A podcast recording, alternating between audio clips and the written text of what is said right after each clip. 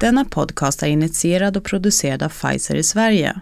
I podcasten diskuterar inbjudna gäster ett aktuellt ämne inom ett visst terapiområde. Det kunskapsutbyte som sker under podcasten baseras på gästernas kliniska erfarenhet och värdering av vetenskap.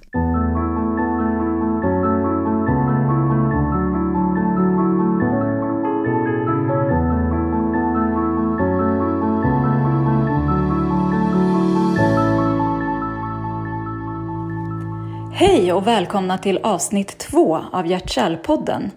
Vi som har den här podden, det är jag, Erika Johansson och min kollega Anna Lindbergsson.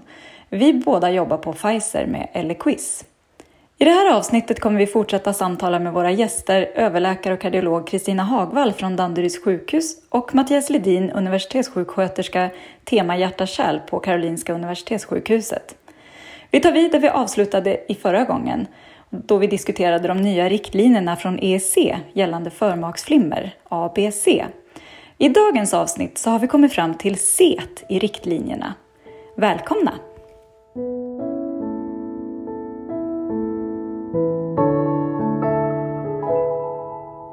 Självklart. Men då Mattias, kan väl du utveckla ett CET lite mer? Ska jag utveckla Utveckla? CET Jag skulle vilja säga att det är så skönt tankar. att CET är med. Det här med att livsstil är viktigt och framförallt andra sjukdomar, sjukdomar spelar roll. Eh, absolut, här tror jag verkligen på att man måste ha eh, personcentrerad vård på så sätt att prata med din patient. Eh, jag vet att jag brukar i varje fall säga till mina patienter att det är viktigt att du har kontroll på ditt eget blodtryck i det här fallet. Jag brukar till och med uppmana mina patienter att köpa egen blodtrycksmanschett och säga att och då får jag ofta, vad ska vi köpa den? Jo men ta det som du tycker är bäst alltså för det är ändå du som kommer ta det här blodtrycket.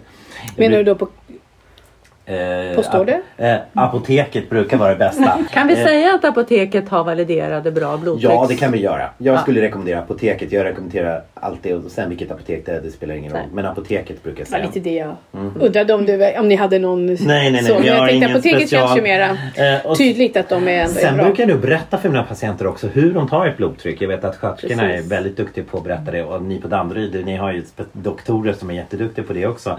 Eh, ni som har skrivit riktlinjerna tror jag till rent utav. Så pass. Eh, Men i varje fall så brukar jag berätta om att det måste vila, sitta, ta det och gärna två blodtryck vill vi ha. Och sen har vi upp- upptäckt också att det är väldigt bra att ta blodtrycket efter man har tagit sin medicin. Kanske en timme efter så man inte tar det innan. Ah, då vet man inte om det har någon effekt. Framförallt olika tider på dygnet. Att du, Mycket inte, bra. att du inte väljer alltid en viss tid. Nej. Ta lite random när det Ja. bara råkar, och inte bara när man mår dåligt heller. För det är vissa som gör. Absolut och gärna en helg också. Men Det att man har bra. samma rutin Ja. kring när man Ja, tar det. Men att man gör det vid olika tillfällen. Nej absolut. Ja. Att man kör Och på det är ju samma lite- sätt men vid olika tidpunkter. Ja. Och att man gör det någon gång när medicinen har, man har tagit medicinen en timme efter. Och gärna en helg där man inte är så stressad. Kanske Mm. avslappnad på, om man nu är det på helgen. Men förhoppningsvis lite bättre. Kan man kanske. Så att jag tänker mig att jag vill, jag vill gärna se fler än ett blodtryck när jag sen ringer patienten och kollar upp det. Ja. Eh, sen tänker jag mer på vad heter det, blodfetter är också viktigt att kontrollera. Jag Mm. tänker det tar ju vi på, på våra patienter regelbundet förhoppningsvis. Trots det så vet jag att era patienter 30% får Mm. inte de mediciner de ska ha gällande mm, statiner bland annat som är så pass viktigt Mm. för många av era patienter. Eh, sen har vi alla de här livsstilsfaktorerna som är jätteviktiga för era patienter också. Det här med viktkontroll. Och då, då är det ofta så att många av, er, eh, om, om många av förmaksflimmerpatienterna ska jag säga, eller patienter med förmaksflimmer, är ju överviktiga. Och de har försökt länge att gå ner i vikt. Och här kan man inte bara springa in och säga att ja, men nu måste du gå ner 10 kilo så ska du få din ablation. Utan här måste man verkligen ha tålamod och gå in och berätta olika råd och säga att Nej, men nu gör vi så här, vi sätter upp delmål, vi, vi ändrar din mat, vi tittar på fysisk aktivitet. En ny spännande studie som jag såg ifrån EC var, det, jag vet inte den kanske är lite long shot här, men det är att om man är två så klarar man det oftast bättre att gå ner i vikt. Så om man tar med sig mannen eller grannen i viktreduktionen här så funkar det bättre för man kan peppa varandra. Och Det är någonting som jag vi såg det på livsstilsmottagningen också. Jag hade en patient vars eh, fru var med på livsstilsmottagningen och satt och lyssnade på vår kurs som vi hade. Vi hade ju både kurs och individuell och föreläste om kost och mat och allt möjligt. Och så kommer frun tillbaka och säger ja, jag har gått ner tre kilo. Men min man, han har gått ner tio och han ville inte ens lyssna på de här råden. Men han fick göra som jag sa. Så, men de hade ändå peppat varandra. Så det tror jag är absolut bra. Sen tror jag att de här personerna med förmaksflimmer också att här ska man kanske inte kasta på dem och säga att nu ska ni ut och träna superträning. Utan det viktigaste här det är vardagsrörelse. Jag tror också att komma ut på promenader, känna efter själv när det tar stopp. Eh, jag tror också att det är viktigt att bryta stillasittandet, att man inte sitter för mycket. Vilket är en av de råden som vi ger. Mäta hur mycket man rör sig också tror jag är bra. Men inte för mycket mätning att man blir helt hysterisk. Utan ha koll på att du kommer upp i de där stegen. Eh, så funkar det. Matvanor, att gå ner i vikt tror jag också på. Nu pladdrar jag på här för fullt Kristina. Gör Jag det slänger över till dig sen. Nej, Men, ja, om jag bara kan bryta det. in där. För det är Du får liksom, jättegärna bryta in. alla de saker du har sagt nu är ju Ja. så himla rätt. Mm. Och det som är så otroligt viktigt tror jag ur ett patientperspektiv. Det är ju också det så att ta reda på vad patienten står. Men ta reda på, ja men vad gör du idag? Mm, absolut. Hur många eh, gånger går du ut och promenerar Mm. Och det är- idag? det är Hur något- många minuter Det är per något dag? som jag alltid Ja. frågar. Ja. Det är en sak hur du gjorde för tio år sedan. Precis. Vad hände, vad hände typ igår eller senaste veckan? Exakt. Berätta för mig. Och sen, vad vill du göra? Det, Mm. det, jag kan sitta där och predika för dig allt jag tycker att du ska Mm. göra. Jag kan sitta och läsa min fina fyss här. Men sen vad du vill göra, det ska vi komma överens om tillsammans, inte jag själv. Och hur gör man det? det Då ju frågar man sin patient eller personen framför en. Vad vill du göra? Vad kan du tänka dig göra? Och så kommer det massa saker att det här har jag gjort innan. Och så får man fråga. Ja, är det här rimligt nu? Tycker du att springa ett maraton? Om de nu säger det. Nej, kanske inte. Jag kanske skulle börja ta promenad med stavar. Då har man kommit fram till någonting. Oftast så vet de redan Ja. vad de kan göra. Det är bara att de vill ha den där lilla extra att någon säger till dem att jo men det här är bra. Det här har vi, det här funkar. Är det någonting då som, när ni har kommit överens om det här, skriver man ner det här då? Så Det kan man göra. Man kan, det? man kan, antingen så kan man skriva ner det på ett recept och så kallar vi det för fysisk Mm. aktivitet på recept. Eller så kan man skriva ner det i någon typ av, någon, någon typ av kvitto som man ger till personen eller patienten sen. Att vi kommer överens om det här. För det viktiga här, det är ju inte bara att släppa patienten och säga hej hej vi syns om ett år. Utan det är att följa upp där. Kanske ett år är bra men att släppa dem helt. Så uppföljning är väldigt viktig. Och, och säga att men vi kommer, vi kommer kolla av det här. Är det här för mycket för dig sen så kan vi sänka det här. Vi har delmål och mål här. i det här.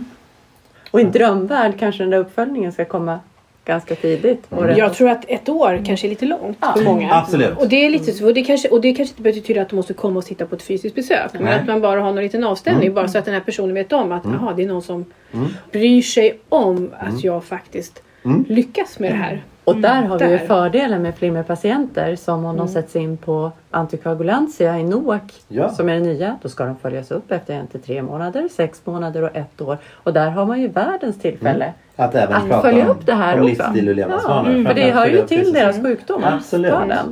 Så det, det tror jag är jätte, jättebra. Mm. Absolut. En annan sak är ju att uh, och vill man gå ner i vikt så bör man titta på över sin mat. Och då är ju bantning helt uteslutet. Det är bara att kasta. En gång till. Ja, helt uteslutet bara Vad kasta. är helt uteslutet? Bantning. För Bra. det kommer inte funka. Utan ändra dina matvanor till mer ett sundare tänk. Och då Mm. tänker jag mig att man börjar tänka som att tallriksmodellen är ju, den finns där, den är bra. Jag tänker man kan börja tänka med grönsaker in som en del i maten. Grönsaker är alltså mat. Som man kan lägga på tallriken. Jag tycker kasta bort tallrik, eh, salladstallriken för den har ingen funktion. Den lägg det direkt på tallriken. Sen så finns det andra saker man kan göra. Man kan, eh, och jag, det, det, råden jag brukar ge till mina patienter det är att vi ska äta grönsaker gärna två nävar per dag. Vi ska öka fiskintag vilket är rätt bra. Eh, slopa köttet, kanske inte ta bort det helt men i varje fall 500 gram per vecka. Eh, vi ska försöka vi ska, vi ska byta ut fetterna lite också. Då är det framförallt olivolja. Här har man faktiskt sett i studier på farmaklinika patienter att olivolja verkar vara någon dunderkur. Och med, med allt. Så olivolja brukar man prata om en dos på en, en, en matsked till en halv deciliter per dag. Får man tänka lite kalorier men just de doserna om det är en matsked har, det skulle man inte gå upp i vikt med. Men då, då kan man ju nästan ha den på den där delen av tallriken som Mm. är salladsmaten. Kan man hälla på eller så kan man hälla på andra saker absolut. Sen tror jag också på kolhydraterna är viktigt i det här fallet. Jag tror att det ska vara kolhydrater men det ska vara bra kolhydrater som, som långsamma kolhydrater. Så kommer någon fråga, men får man inte äta potatis mer? Självklart får man äta potatis.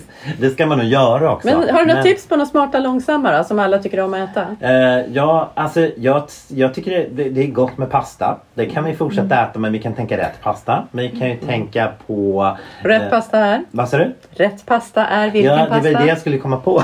det är fullkornspasta. Precis. Fullkornspasta skulle jag säga. Och Sen skulle finns ju jag- alla de här nya lins och Ja, bönpasta. är Absolut. Mm. Eh, alla tycker inte de är den godaste. Sen finns det vit Och vill man ha vanlig pasta så så kanske man kan, då kan man ju tänka fullkornspasta i så fall. Mm.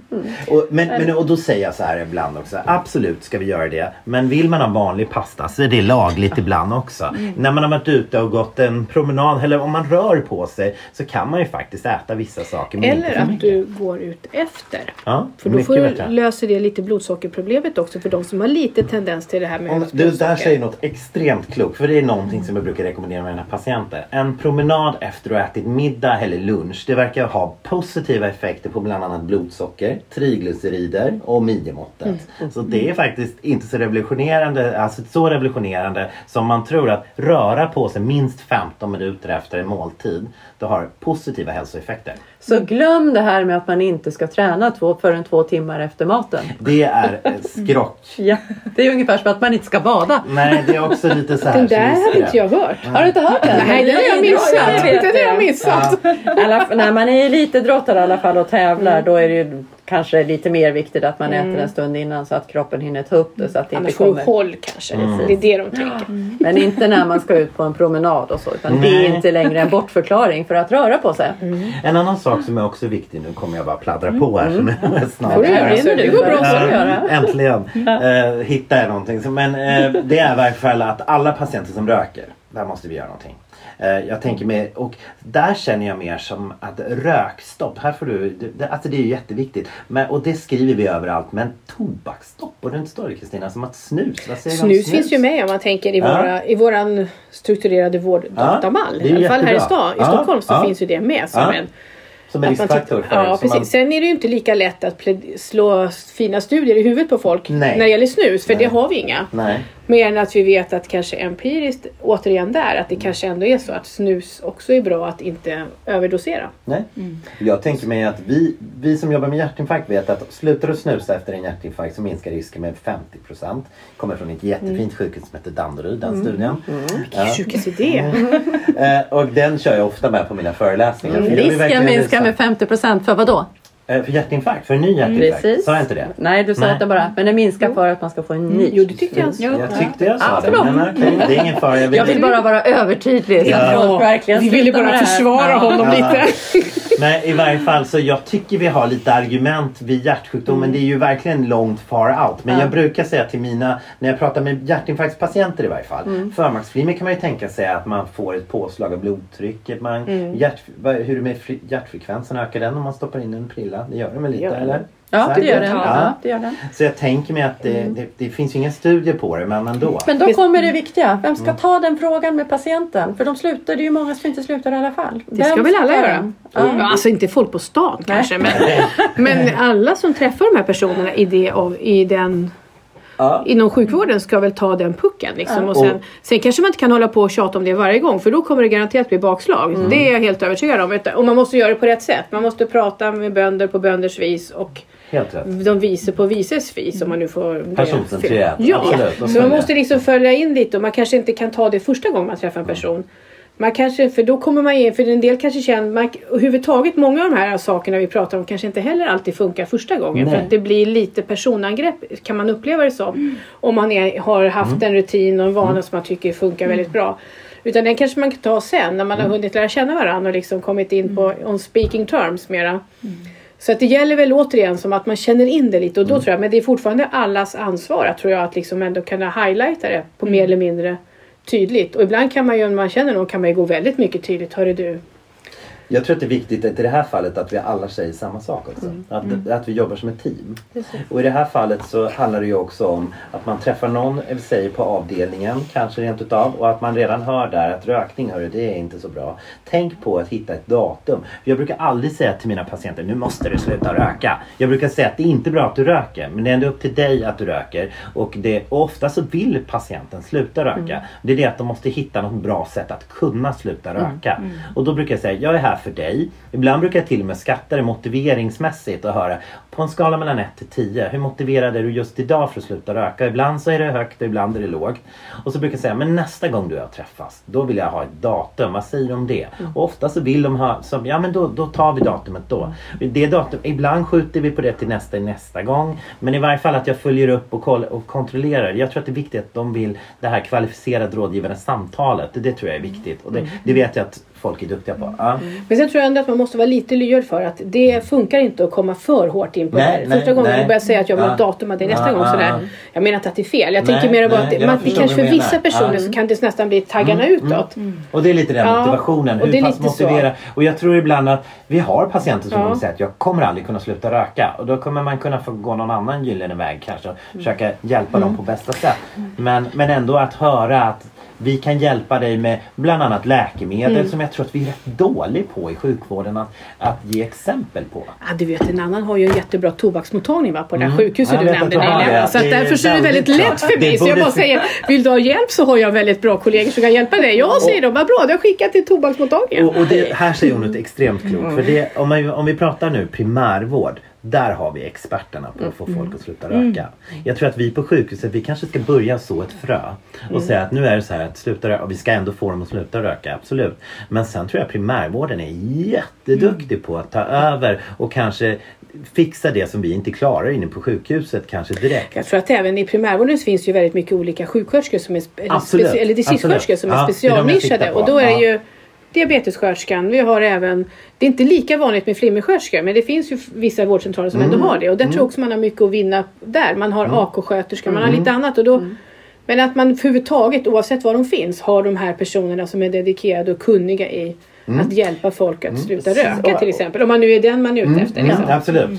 Och det här i. Stockholm så finns det precis som du säger och i övriga landet också blir det ju fler och fler sköterskeledda de kallar det flimmermottagningar eller de kallar det hjärtmottagningar. Lite olika namn så här. Men att vikten där Ja. också är att de har ofta det här extra lilla eh, Tänket. Ja, och intresset för att prata om de här frågorna som är så viktiga för de här patienterna. Och vad man kallar det för kan ju också ha att göra med vilka volymer man har. Exakt. Har man liksom Mm. sådär. Så det kan ju vara lite olika. Pratar vi primärvård nu eller pratar vi eh, Primärvård är Ja. som mer och mer börjar För där vet jag att vi sjuksköterskor börjar prata om distriktssköterskan som vi vill försöka kalla hjärtsjuksköterskan. Vi, men det är ju så att hjärtsjuksköterska är så heligt. Man vet inte hur man ska definiera en hjärtsjuksköterska. Så man har kallat för en distriktssköterska med inriktning hjärtsjukvård i primärvården.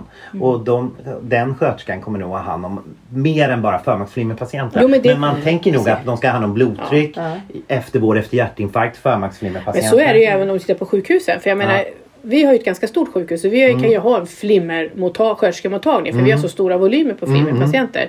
Medan andra sjukhus, vi har haft många som har kommit och hälsat på sådär och där har ju de inte haft sådana volymer så då har ju de kunnat har det ju fått vara så att det är kranskärlssjuksköterskan Ah, ah, som ah. sköter alla liksom. Som även har hjärtsvikt Precis, medan Ja. vårat hemostatscentrum när Varan var som störst hade vi ju över 100 doseringar per dag, Mm, patient per dag. Så det är klart att då blev det ju bara Varan-sjuksköterskor på det liksom. Mm, Så att det blir lite, kanske man kan få liksom lite Precis ungefär som det förklarar varför den här procentsiffran är annorlunda.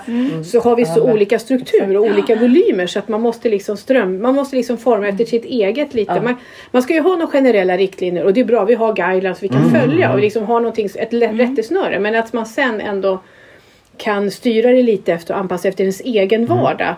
Lika väl som vi anpassar vad vi säger beroende på vem som sitter i rummet. Lite Så jag tror det är jätteviktigt. jag. Ja, Absolut. för jag tänker ibland, jag vet det var någon patient en gång som sa till mig att han höll på nästan, han var så nervös när han skulle träffa mig.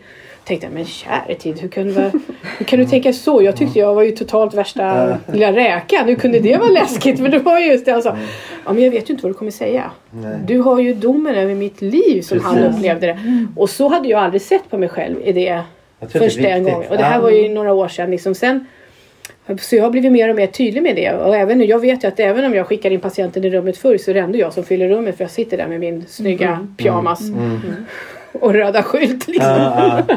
Så att det blir på något sätt ändå så. Men jag tror att det är viktigt att man ändå jobbar som ett team och det Ja. gör ju ni verkligen. Att det här med läkaren, sjuksköterskan och även kanske fysioterapeuten eh, säger samma sak. Att vi, så att vi, dietisten är viktig och kuratorn är viktig. Ja. Kuratorn är absolut Kuratorn viktig. kommer ju in ibland för att de här patienterna vill ju verkligen prata och det är inte alltid kanske man hinner att prata med dem så länge som det behövs. Och här vet jag att jag har en kollega som jobbar mycket med KBT och hon har ju verkligen sätt på, på studienivå då. Men hur viktigt det är med att prata med de här patienterna.